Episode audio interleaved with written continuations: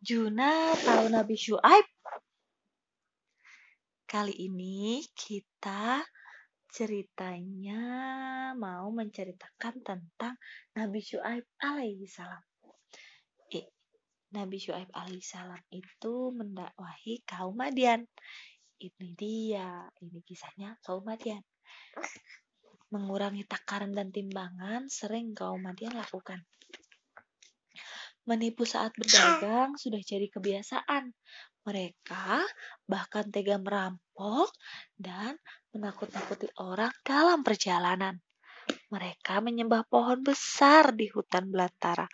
Aikah nama pohonnya? Mereka percaya Aikah punya kekuatan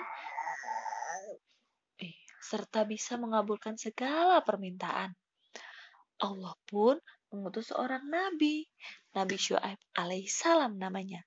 Ia dikenal sebagai guru bicara, juru bicara para nabi.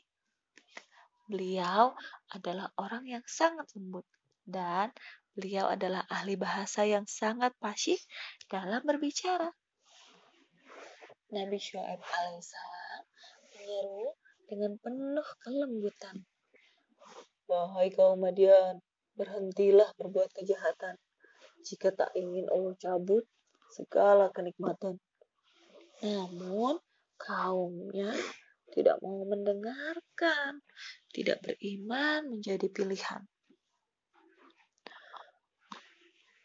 Bukannya beriman, kaum Madian malah terus saja berbuat kemungkaran, bahkan menantang azab segera diturunkan.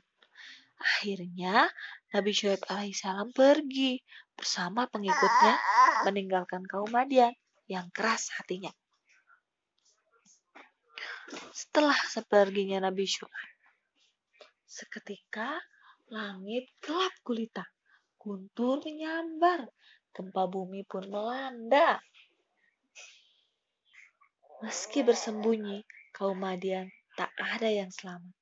Inilah balasan bagi mereka yang sesat.